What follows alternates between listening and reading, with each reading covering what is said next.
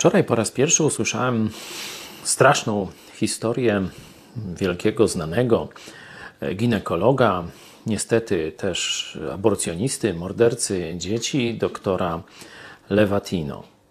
Przeprowadził ponad 1200 morderstw, czyli aborcji. I dopiero kiedy na własnej skórze doświadczył, co to znaczy strata dziecka, jego mała córka zginęła pod kołami samochodu tuż pod jego domem. Dopiero wtedy zrozumiał, że morduje dzieci.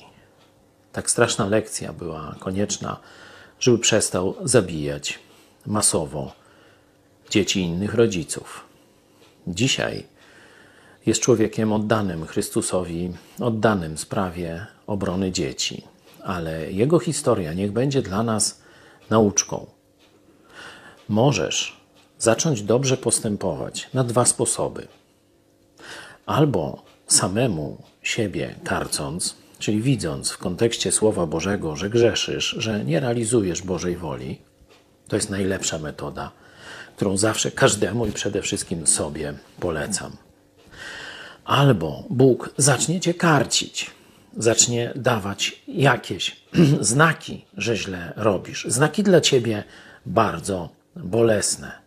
Apostoł Paweł właśnie o tym przestrzega Koryntian w 11 rozdziale pierwszego listu do Koryntian. Mówi, że z powodu tego, że trwacie w grzechu, mówi do chrześcijan, wielu jest chorych, czyli cierpienia związane z ciałem, a niemało nawet zasnęło, czyli Bóg skończył ich życie.